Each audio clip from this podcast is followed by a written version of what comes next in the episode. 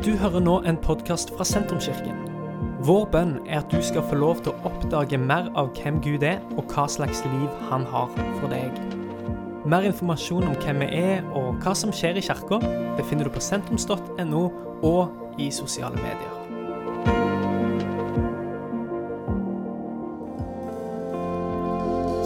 Kjekt å se alle sammen. Du, jeg syns det er gøy når vi i dag er alle sammen inne.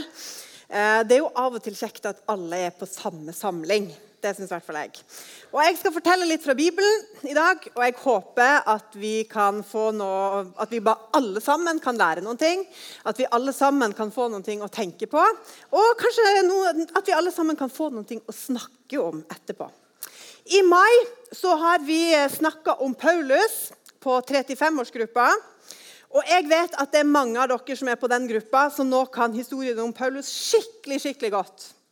Så hvis dere liksom tenker at det jeg sier nå liksom i begynnelsen, det kan jeg, så kan jo dere liksom nikke litt sånn ekstra. bare, ja, det vet jeg.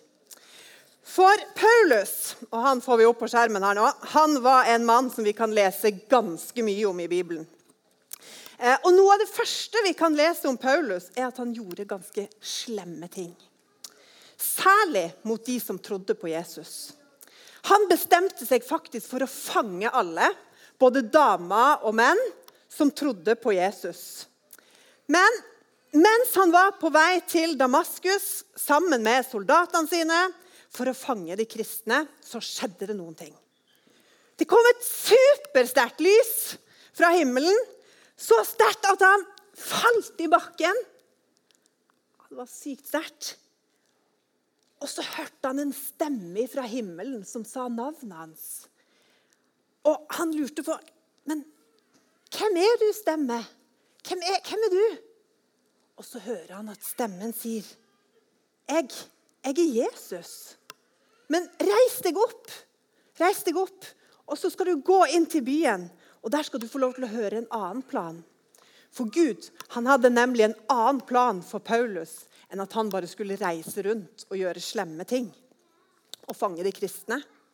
Så inne i byen så møtte Paulus etter hvert en mann med det morsomme navnet Ananias.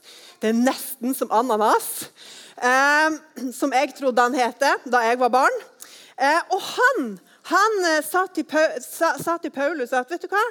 Gud han har andre planer for deg. Nemlig at Paulus skulle reise rundt i hele verden og fortelle andre mennesker om Jesus. Og det gjorde faktisk Paulus resten av livet sitt. Han ble venn med Jesus, og han ville at alle skulle få lov til å høre de gode nyhetene om Jesus. Han, Paulus reiste rundt til mange land og til byer, og han fortalte om Jesus, og han starta kirke. Og Mange av de han besøkte, de savna Paulus veldig når han reiste videre. Og så lurte de på ting. For så lurte de på hva det betyr å være menighet. Hva betyr det å være kirke? For de hadde jo ikke gått i barnekirke når de var små, sånn som mange her har gjort. Eh, så Paulus han måtte forklare de det her. Men så var det sånn at når Paulus levde, så fantes det ikke FaceTime. Det fantes ikke telefon og ikke Internett. Så de, måtte faktisk skrive brev til hverandre. Og det kunne ta lang tid. Tenk, vi kan jo ringe, og så får vi svar med en gang. Sant? Jeg kan ta opp telefonen min og ringe. Og noen av dere, dere har sånn klokke på hånda som gjør at hvis dere er ute og tenker nei, jeg kan ikke vente til jeg kommer hjem og spørre mamma om dette, så bare ringer dere på klokka og sier 'Hallo, mamma, jeg lurer på noen ting.' Og så må hun svare med en gang. Eh, og vi kan google og vi kan liksom teste ut hva er dette her. Men de måtte vente på svar i ukevis. Kanskje måneder, og noen ganger til og med år. Så lenge kan ikke vi forestille oss at vi må vente på svar. Men Derfor var det nok ekstra stor fest når noen kom med post. Og nå kom det post til hele kirka. Og Da samla de seg, og så leste de opp brevet.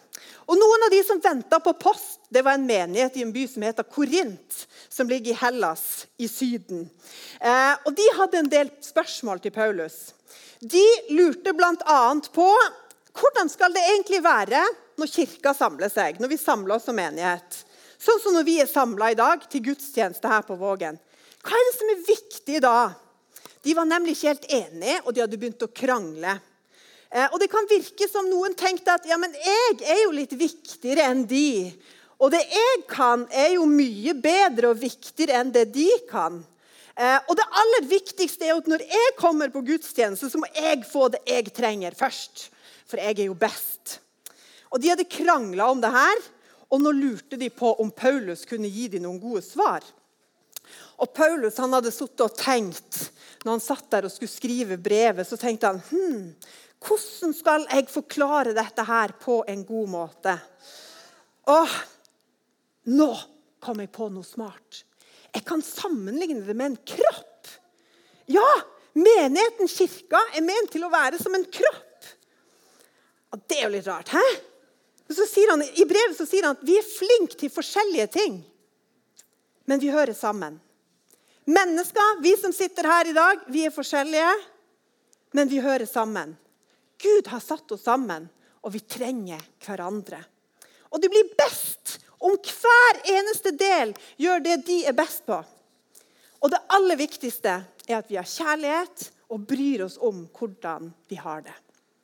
Og Så gir han noen eksempler i dette brevet. når Paulus skriver.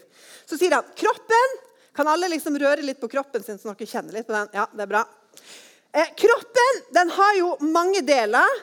Men alle kroppsdelene mine til sammen, de er en hel kropp. Øret kan jo ikke si liksom sånn Ja, men jeg er jo ikke øyet, så derfor er jeg ikke kroppen. Sant? Øret er jo en del av kroppen min, selv om den ikke er øyet. Og tenk hvis det var sånn at øyet var hele kroppen. Det hadde vært litt rart. Tenk hvis det bare lå masse øyne rundt på setene her. Du, dere ser det for dere, sant? Bare sånne store øyne som ruller rundt. Eh, det hadde vært litt ok, ja, Vi kunne kanskje sett veldig bra, men vi kunne ikke hørt noen ting. Vi kunne ikke snakka, vi kunne ikke gitt noen en klem. Og Det var ganske mye vi ikke kunne gjort da. Det hadde funka ganske dårlig. Og så er det jo sånn at Hodet kan jo ikke si til føttene sånn 'Jeg har ikke bruk for deg.' For vi trenger jo alle delene. Tenk hvis det var sånn at jeg måtte spise banan med knærne. Istedenfor å holde den i hånda. Tror dere det går bra? Skal vi prøve? OK. Først må jeg jo liksom Hvordan skal jeg få opp bananen? Da må jeg jo Det blir ganske sånn tullete. Sant? Og hvis jeg da har øvet mye enklere om jeg kunne brukt hendene til det, som er ment til å skrelle banan. Eller hvis jeg skulle liksom drukke vann med tærne. Tror dere det går bra? Jeg er litt sånn skeptisk. OK. Er dere klare? Nei, dette går ikke. Ah!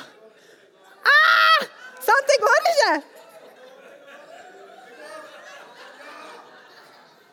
Ah! Det gikk ikke! Jeg er dassblaut! Oi, oi, oi. Jeg glemte å ta Jeg trodde ikke jeg skulle bli bløt på buksa òg. Ja, ja. Så nå Det funka dårlig. Tær er ikke ment til å holde flaske med. sant? Jeg trenger armene mine til det. Det er sykt mye som funker dårlig. Så vi trenger alle deler. Det er da det funker best. Dere, dere kan prøve etterpå. Skal dere se hvor vanskelig det var? Eh, og så er det jo sånn at om noen noe i kroppen har vondt, så er det faktisk sånn at vi merker det i hele kroppen. Hvis vi har vondt i albuen vår, så er det litt sånn at det er noe du går og tenker på. Selv om det er albuen det er vondt i, så gjør det vondt liksom i hele meg. Eller om noen, noe i kroppen får til noe bra, så er det ikke sånn at Hvis du er for eksempel, noen som spiller fotball her Og kanskje du kommer og så skårer du bare liksom kjempemål med den foten. Så er det jo sånn, så Se på de som er her. De er jo glad i hele kroppen, selv om det var foten som skårte målet. Fordi at du tenker 'Å, fot! Du er så bra!' Du gjorde sånn at vi, jeg, hele kroppen, på en måte skårte dette målet nå. Og menigheten, kirka, den er som en kropp. Der vi hører sammen. Vi er gode til forskjellige ting, men alle er viktige.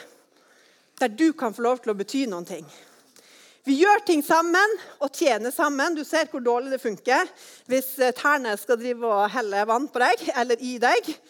Men til sammen, når alle gjør ting, så blir det en veldig bra kombo. Der vi gleder oss sammen og har vondt sammen.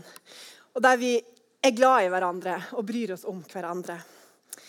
Kirka i Korint de fikk mye å tenke på den, eh, den dagen de fikk det brevet fra Paulus. Og de har lest det om igjen og om igjen og om igjen. Og I over 2000 år så er det sånn at kirke har fått lov til å tenke på hva betyr det å være kirke sammen. Vi hører sammen, vi tjener sammen, og vi merker det på kroppen om noen har det vondt. Og vi er glad i hele kroppen når noen får til noe som er bra. Skal vi be sammen. Da kan du få lov til å lukke øynene. Kjære Jesus, jeg takker deg fordi at eh, du syns at hver enkelt er viktig. Du har plassert oss sammen for at vi skal fungere best når vi er sammen og gjør ting sammen. Takk for hver enkelt en som sitter i dette rommet. Takker deg for at de kan ting. De har gaver som de er gode på, som betyr noe. Takker deg for at vi får lov til å være i kirke sammen og glede oss over alt det du har gitt til hverandre. Da vi sammen kan få lov til å være din kropp i denne byen. Takk for det, Jesus. Amen. Dette er slutten på denne podkastepisoden. Har du spørsmål om Jesus, om tro, om livet, så er du hjertelig velkommen til å ta kontakt med oss via sentrums.no.